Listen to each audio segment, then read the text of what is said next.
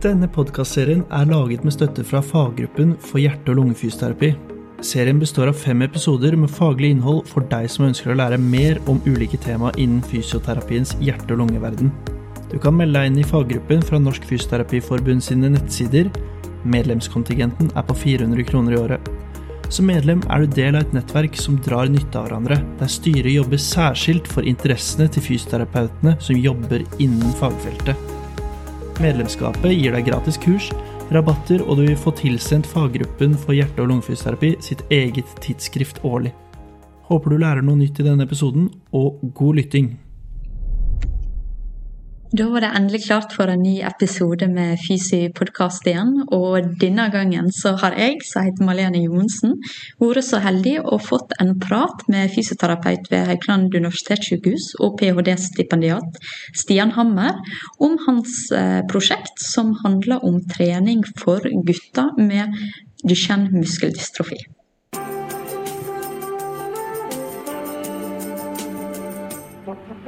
Og da ønsker jeg hjertelig velkommen til deg, Stian Hammer, her til podkasten vår.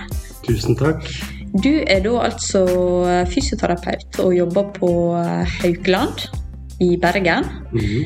Der du primært jobber med barn og unge.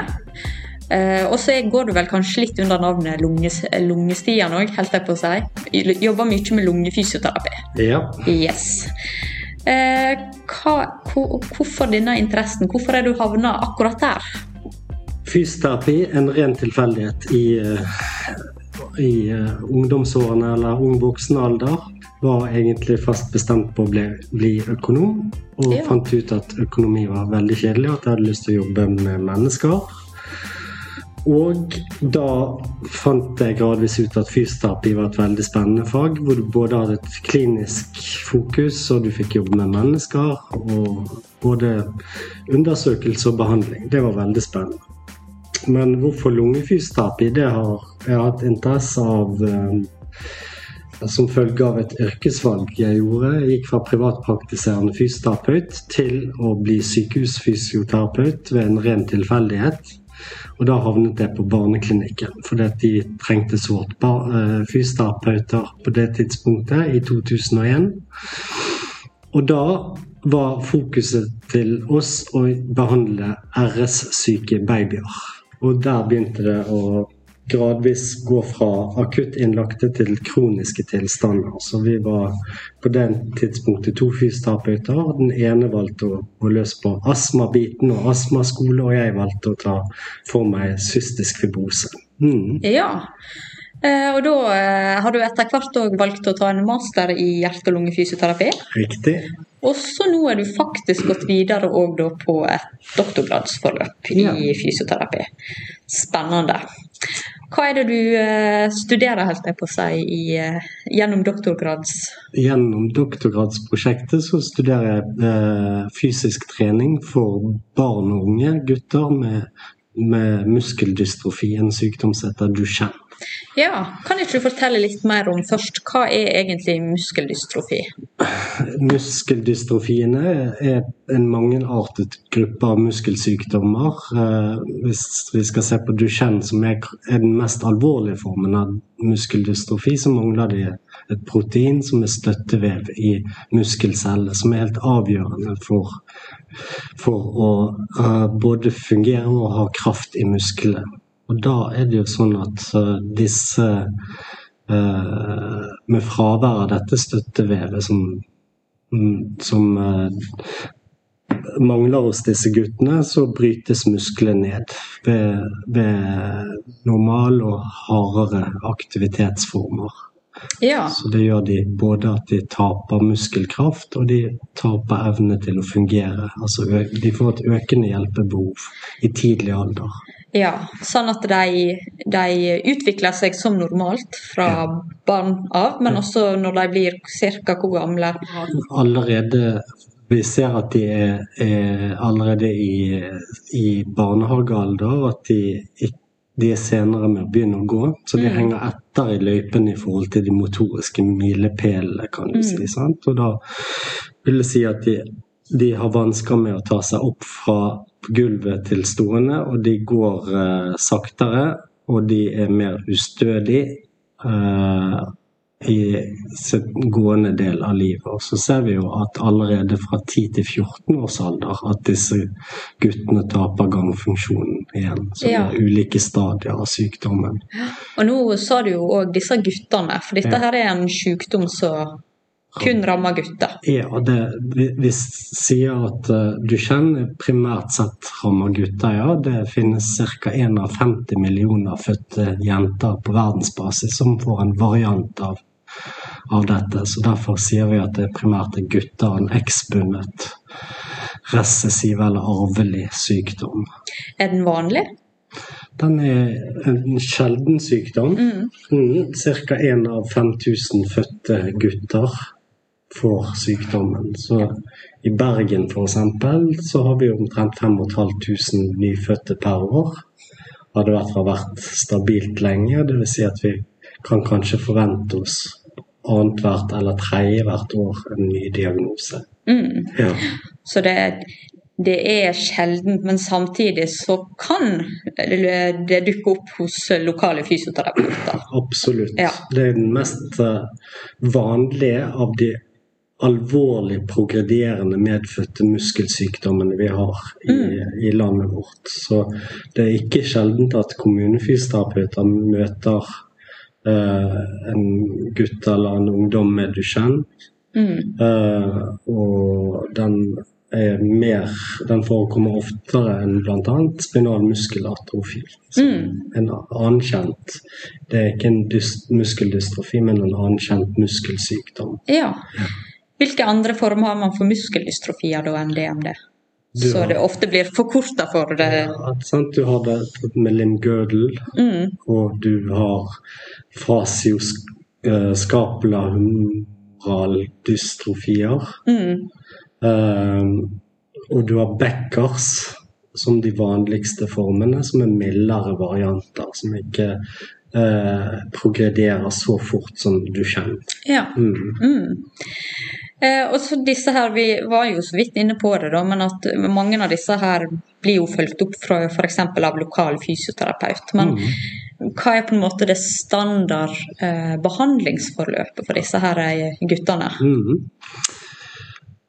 Når de får diagnosen, etter at den er blitt verifisert med biopsi, og de har tatt blodprøver eh, ved, mistanke, og det er blitt bekreftet en Duchenne f.eks., eller så er standardforløpet at de følges opp ved habiliteringstjenesten for barn og unge ved de, ved de ulike regionsykehusene i Norge. Mm. Der er det et tverrfaglig team som følger barnet gjennom oppveksten for å optimalisere fungeringen til barnet, bistå familiene på en veldig god måte. Og da er det både barnenevrolog, og du har eh, erfarne fysio- og ergoterapeuter inne i bildet. Og du, de kobler på flere ulike fagpersoner. Ikke sjelden at det er tett samarbeid med ortopeder og ortopediingeniører for å tilpasse og tilrettelegge for at disse barna skal fungere best mulig. Mm. Eh, Så da jobber de sammen med, mot felles mål, på, for altså, funksjonsmål, egentlig. Absolutt. Så, Ja. så de, de, de kommer til faste halvårlige kontroller på, ved habiliteringstjenestene, det vanlige. Mm. Og selve omfanget på undersøkelsene eller kontrollene er jo da varierer litt. Men de er alltid inne hos lege, og de er alltid hos eh, fysioterapeut og ergoterapeut. Og så kobles det på andre tilleggstjenester, også sosionom og Mm. den type ting når det er snakk om utvidet hjelpebehov. Ja, men så god og brei oppfølging, med andre ord. Absolutt. Eh, Men hva, hva er da på en måte fysioterapeutens rolle oppi det? her? Nå tenker jeg både i f f habiliteringen, eller HABU som vi kaller det da. Den testinga de gjør, men òg er det noe treningsopplegg hjemme, eller? Mm. Det er jo sånn at disse barna de følges jo opp av som du sa, fysioterapeut her på sykehuset. og Da er det jo sånn at de tar standardiserte funksjonstester for å monitorere endring i tilstanden til barna. Uh, og de sjekker også uh, spesifikt leddbevegelighet for å motvirke kontrakturer som vi ser finner sted, eller som inntrer relativt tidlig. Og uh, samarbeider da tett med kommunefysioterapeutene i forhold til det som går på å tøye muskler og bevare leddutslag.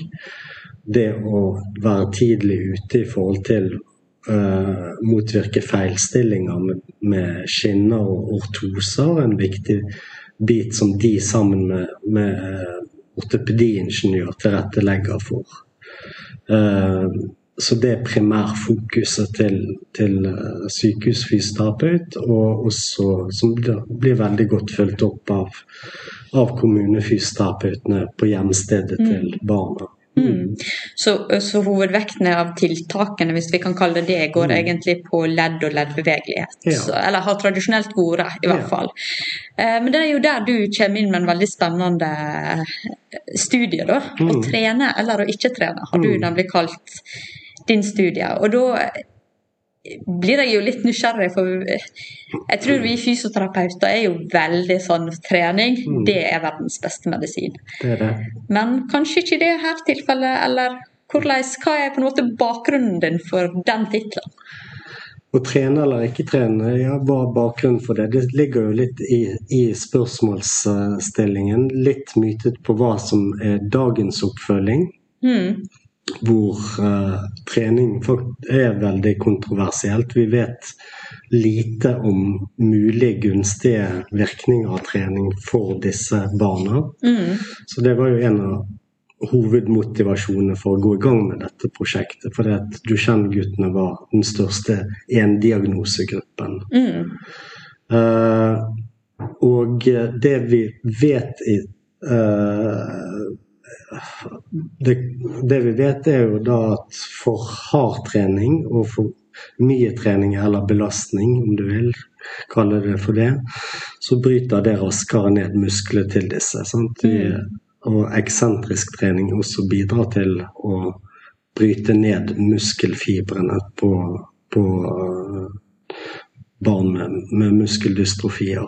Mm. Uh, og så har vi for lite trening, som er ofte en ledsagende konsekvens av ikke bare Duchenne, men det å ha utfordringer, funksjonsnedsettelser av ulike årsaker, så fører det til veldig lett til passifisering og inaktivitet. Det vet vi fører til også en raskere negativ utvikling ved at vi får atrofi av muskulaturen. Mm. Så da blir spørsmålet hva er den gylne middelvei? Hva er det som fører til positive tilpasninger i muskelvev på det minste nivået til fungering og livskvalitet og betydningen av å delta i fysisk aktivitet og trening mm. som en positiv gevinst. Og det det vi ønsker å undersøke i dette forskningsprosjektet, om det skjer positive tilpasninger av noe som helst slag.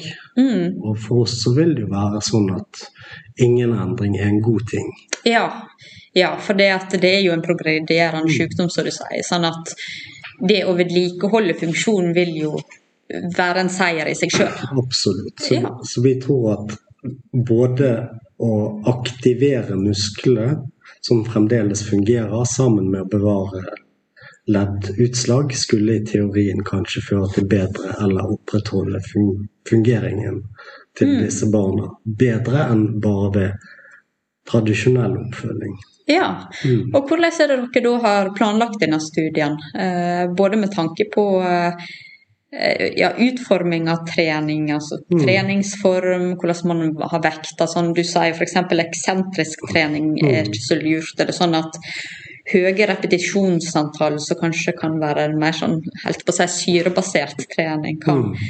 være mindre hensiktsmessig enn annen type. Vil du si litt om det? Ja. Selv alle disse barna, eller de tolv barna som har vært, barna og ungdommene som har vært med i treningsstudien som vi har kjørt i ett år nå, har fått tilpasset individuelle treningsprogram. Og det vi har tenkt på, eh, eller har gjort, er jo da at vi har vekslet Eller vi har satt opp et treningsprogram som følger to styrkeøkter per uke og én utholdenhetsøkt per uke, som de har fått individuelt tilpasset sin fungering og mulighet for å gjennomføre trening. Og da er det sånn at Vi har hele tiden holdt oss til det lille vi vet om trening og, og, og muskeldystrofi, eller Duchenne da, spesifikt, eh, er jo da at vi har vi har holdt oss innenfor konsentrisk muskelarbeid. Dynamisk konsentrisk. Mm.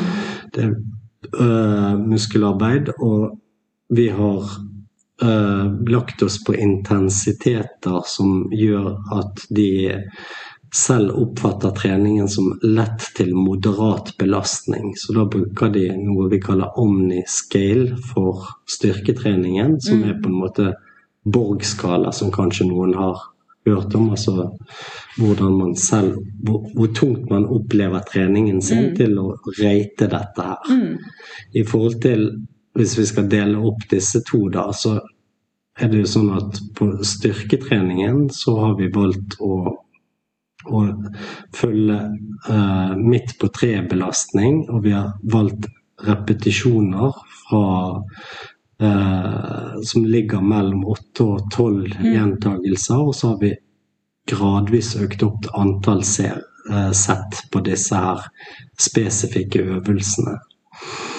Så da har vi hele tiden tenkt på funksjonsbevarende styrketrening mm. som, som, innfallsvinkel. Sant? Så da, for noen så vil kanskje åtte repetisjoner oppleves som moderat tungt, og for andre vil kanskje tolv være moderat tungt. Mm. Det blir den anbefalte treningsplanen. Mm. Så skal vi huske på at du og jeg har varierende dagsform. Vi kan ha sovet lite, eller vi kan ha, være i dårlig humør. Så, så dette det, På dager de har mye overskudd og energi, så uh, legger de på gjerne to eller tre reps. Mm. Eller hvis de har lite energi, så reduserer du antall reps. Sånn at vi sikrer oss at du hele tiden ligger på moderat belastning. Og i, i mange forskningsstudier, eller de studiene man kaller kontrollerte mm. uh, studier, så er det jo ofte vanlig å ha med en kontrollgruppe. Mm. Har du det her? Det har vi. Vi ja. har en kontrollgruppe ifra, fra, som vi har rekruttert fra Helse Sør-Øst. Mm. Fra de ulike habiliteringstjenestene som er der, og som følger gutter med Duchenne. Så vi har tolv gutter med eh, i en kontrollgruppe som følger standardoppfølging med halvårlige kontroller. Mm. Ja, så de vil vi sammenligne både fysisk aktivitetsnivå, endring over ett år, mm. og vi sammenligner uh, Ser på, på disse funksjonsskårene i form av performance of upper limb og Northstar, som er på en måte et standardverktøy i oppfølgingen av gutter med Duchenne. Uh, og hvis vi har tilgjengelige lungefunksjonsmålinger, så ønsker vi å ha det som et sammenligningsgrunnlag også. Mm. Med våre gutter som da får trening. Uh, selve prosjektet er jo delt inn i tre deler. Sant? og det, mm. Den første delen var en kunnskapsoppsummering mm. som vi gjorde, og publiserte en artikkel på uh, mulige effekter av fysisk trening for gutter med Duchenne. Mm. Den viste at Eh, det var veldig få studier som undersøkte primært eh, fungering og livskvalitet som er klinisk relevante mål, men de fleste hadde da styrke og utholdenhet mm. spesifikt som utfallsmål. Mm. Og hadde på en måte viste Vår metaanalyse viste jo da at uh, det kan tyde på at, at altså funksjonsnivået bevares hos gutter med Duchenne på de få studiene som vi hadde som så på det. Og så så vi at trening generelt påvirker gunstig i forhold til muskelstyrke og utholdenhet. Så det var jo et funn i seg selv som mm. er verdt å undersøke nærmere. Mm. Men det er ikke mange studier Nei. å ta av. Så da blir evidensen deretter. Ja, og så kanskje kvalitet, altså Kvaliteten. Ser man kvalitet i treningsstudier, så er det jo mye så det er vanskelig med blinding, det kan være vanskelig å randomisere når man har så spesifikke utvalg osv. Ja. Ja. Så det er mange, mange sånne faktorer som påvirker og gjør sånne kliniske studier utfordrende når det gjelder muskelsyke. Eh, I del to så ser vi jo på, kartlegger vi fysisk aktivitetsnivå for norske gutter med Duchenne. Og det sammenligner vi, har vi en kontrollgruppe med et referansemateriale, som vi kaller det, fra en undersøkelse, nasjonal undersøkelse av skoleelever sitt fysiske aktivitetsnivå. Så da kontrollerer vi både ser på fysisk aktivitetsnivå ut ifra eh, alder og ut ifra eh, om du har Duchenne, altså du mm. innad i Duchenne-gruppen, og mot friske kontroller. ja. Mm. Mens i treningsstudien så ser vi bare på Duchenne, Ja. som skjer med og uten trening. ja. Ja. Uh, innad i gruppen av de med Duchenne, Mm. er de veldig like? Eller er det veldig stor Stor variasjon Ja. ut ifra alder. Vi har inkludert gutter mellom 6 og 18 år. Ja.